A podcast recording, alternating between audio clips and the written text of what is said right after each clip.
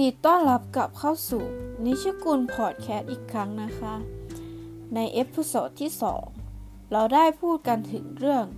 ลำดับเลขคณิตไปแล้วนะคะ วันนี้เราจะกลับมาพูดถึงลำดับเรขาคณิตกันบ้างค่ะ ลำดับเรขาคณิต ตามบทนิยามแล้ว ลำดับเรขาคณิต คือลำดับที่มีอัตราส่วนของพจน์ที่ n บวก1 ต่อพจน์ที่ n เป็นค่าคงที่ค่ะจำนวนนับ n เรียกค่าคงที่นี้ว่าอัตราส่วนร่วมค่ะ ถ้า a1 a2 a3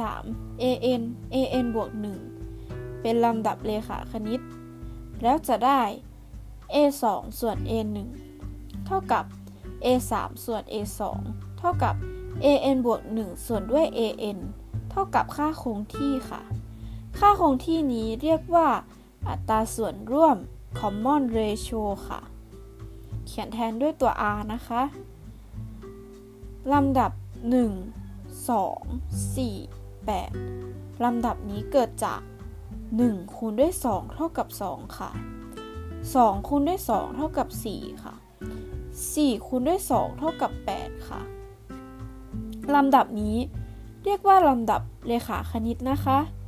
พิจารณาลำดับ 1 2 4 8 ค่ะ a 2หารด้วย a 1ก็จะเท่ากับ 2 หารด้วย 1 เท่ากับ 2 a 3หารด้วย a 2เท่ากับ 4 หารด้วย 2 เท่ากับ 2 ค่ะ a 4หารด้วย 3 เท่ากับ 8 หาร 4 เท่ากับ 2 ค่ะ จะเห็นว่า อัตราส่วนร่วมของพจน์หลัง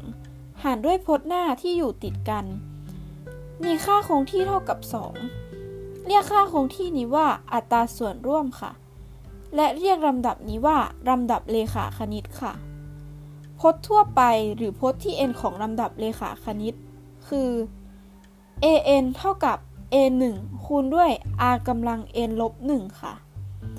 เมื่อ an คือพจน์ที่ n และ a 1คือพจน์แรก r คืออัตราส่วนร่วม เท่ากับ พจน์ที่ n บวก 1 หารด้วยพจน์ที่ n ค่ะ